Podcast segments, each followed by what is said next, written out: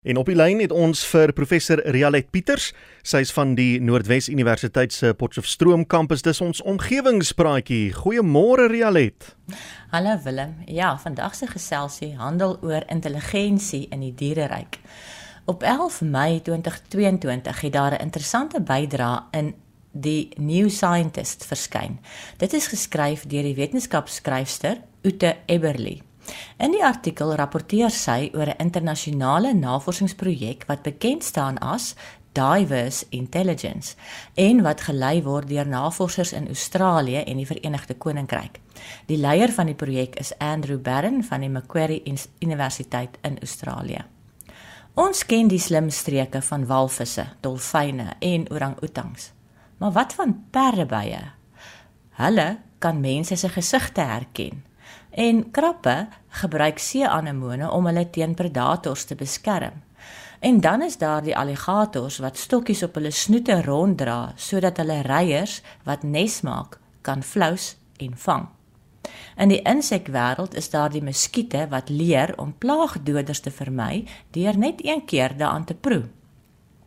Die groep navorsers wat aan die diverse intelligensie projek deelneem, probeer om die soorte intelligensie wat ons in die diereryk kry, te kategoriseer om 'n soort van 'n periodieke tabel vir dierintelligensie saam te stel. Die Russiese chemiker Dmitri Mendeleev het in 1869 al die chemiese elemente wat toe aan die wetenskap bekend was in 'n tabel saamgestel waarbinne die elemente gerangskik word op grond van atoomgetalle. Daar is sommer baie inligting in die periodieke tabel saamgevat en net deur na die element se posisie op die periodieke tabel te kyk, kan mens aflei of 'n element heftig met water sou reageer en watter van die elemente elektrisiteit kan gelei. Medewerkers van hierdie diverse intelligensieprojek wil kyk of hulle dit kan regkry of hulle die tipes kognitiewe vermoë wat ons in die diereryk kry kan organiseer. Kognisie is die aksie om kennis en begrip te verkry deur denke, ondervinding en sintuiglike waarneming. En net soos wat die periodieke tabel op die beginsel van die aantal protone in die element se kern gebaseer is, so is hulle op soek na daardie een kenmerk waar volgens die intelligensietabel saamgestel kan word. Maar waar sou mens begin? 'n Breë definisie vir intelligensie is dat dit 'n teken is van die organisme se soepelheid om op 'n veranderende omgewing te reageer. Verlang is gedink dat die grootte van die brein 'n teken van intelligensie is. Die mensbrein weeg enige iets van 1.2 tot 1.5 kg en besit 86 maal 10 tot die mag 9 neurone of senuweeselle en is ongeveer 2% van ons liggaamsmassa. 'n Walvisbrein kan soveel soos 9 kg weeg en die Afrika olifant het 257 maal 10 tot die mag 9 uh, 9 neurone. En die brein van die klein skeerbekmuis wat nie vir sy intelligensie bekend is nie, is 10% van sy liggaamsmassa. Heuningbye kan skynbaar tel tot 5 en het begrip vir die abstrakte konsep van 0 ten spyte van 'n breingrootte van net 2 kubieke millimeter. Maar miskien is gedrag 'n beter manier om slimheid te kategoriseer. Dink hier aan die hofmakende inkvis wat homself tussen die wyfie en die kompetisie posisioneer en dan manlike kleure aan sy voorkant vir die wyfie wys, maar vroulike kleure aan sy agterkant vir die kompetisie wys. Of wat van 'n Europese kraai of roek in Engels wat wat wanneer hy 'n lekkerny wat op water in 'n houer dryf, maar wat hy nie kan bykom nie, 'n plan maak en klippe in die houer laat inval totdat die watervlak hoog genoeg gestyg het dat hy die drywende lekkerny kan bykom. Maar om gedrag aan te wend as die toets vir intelligensie is maar moeilik, want hoe kies jy nou 'n vorm van gedrag wat deur alle diere op aarde uitgevoer kan word en wat as maatstaf aangewend kan word. Sommige se swemmers in water of bo op water of tonnel in grond en nog ander kan vlieg, maar nie almal kan alles doen nie.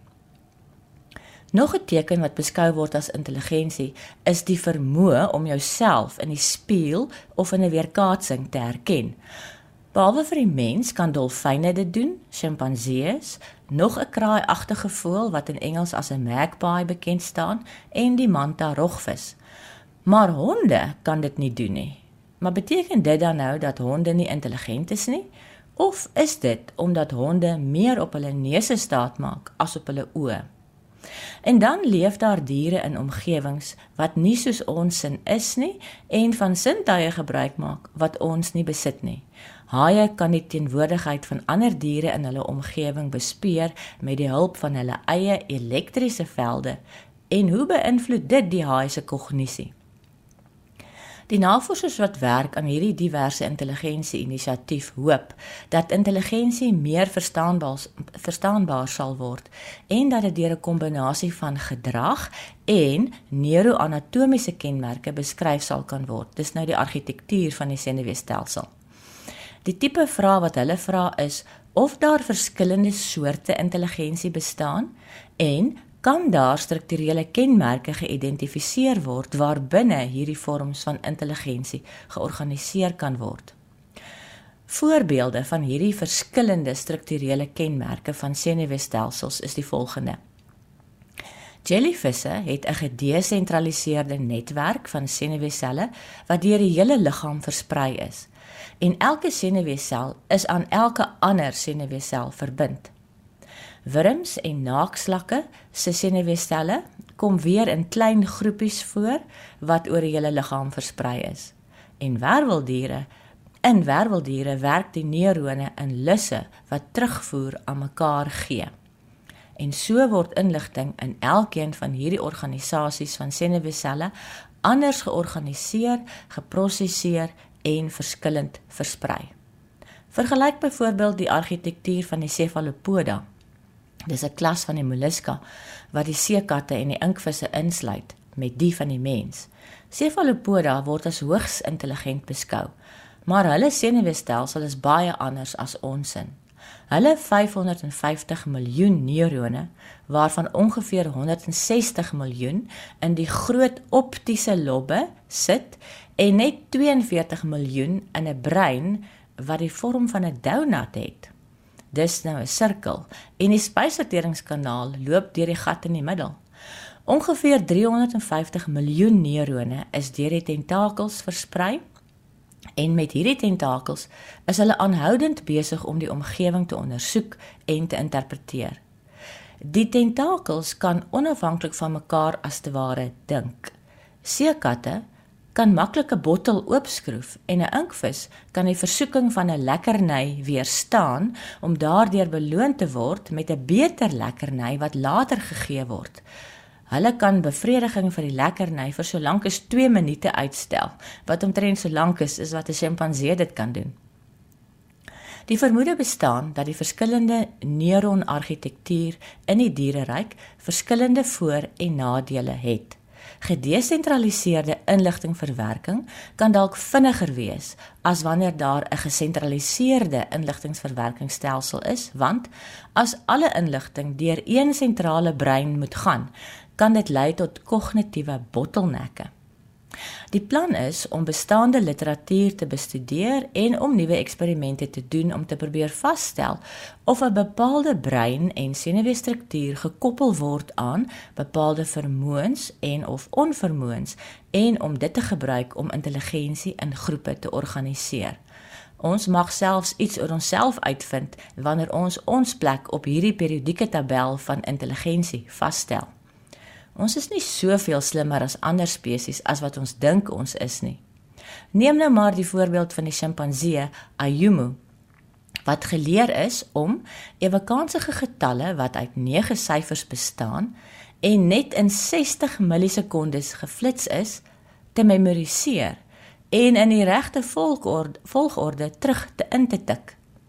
En die sjimpansee het selfs beter gevaar as die wêreldgeheue kampioen Ben Pritmore. Pritmore is die Brit wat die wêreldgeheue kampioenskap al 3 keer gewen het.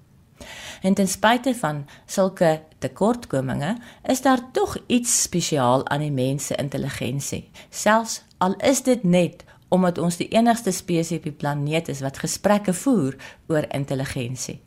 Ek het 'n skakel na 'n videoetjie van die sjimpansee Ayumu in aksie op omgewingspraatjies se Facebookblad geplaas. Gaan kyk 'n bietjie. En so gesels professor Rialet Pieters van die Noordwes Universiteit se Potchefstroom kampus. Rialet, baie dankie.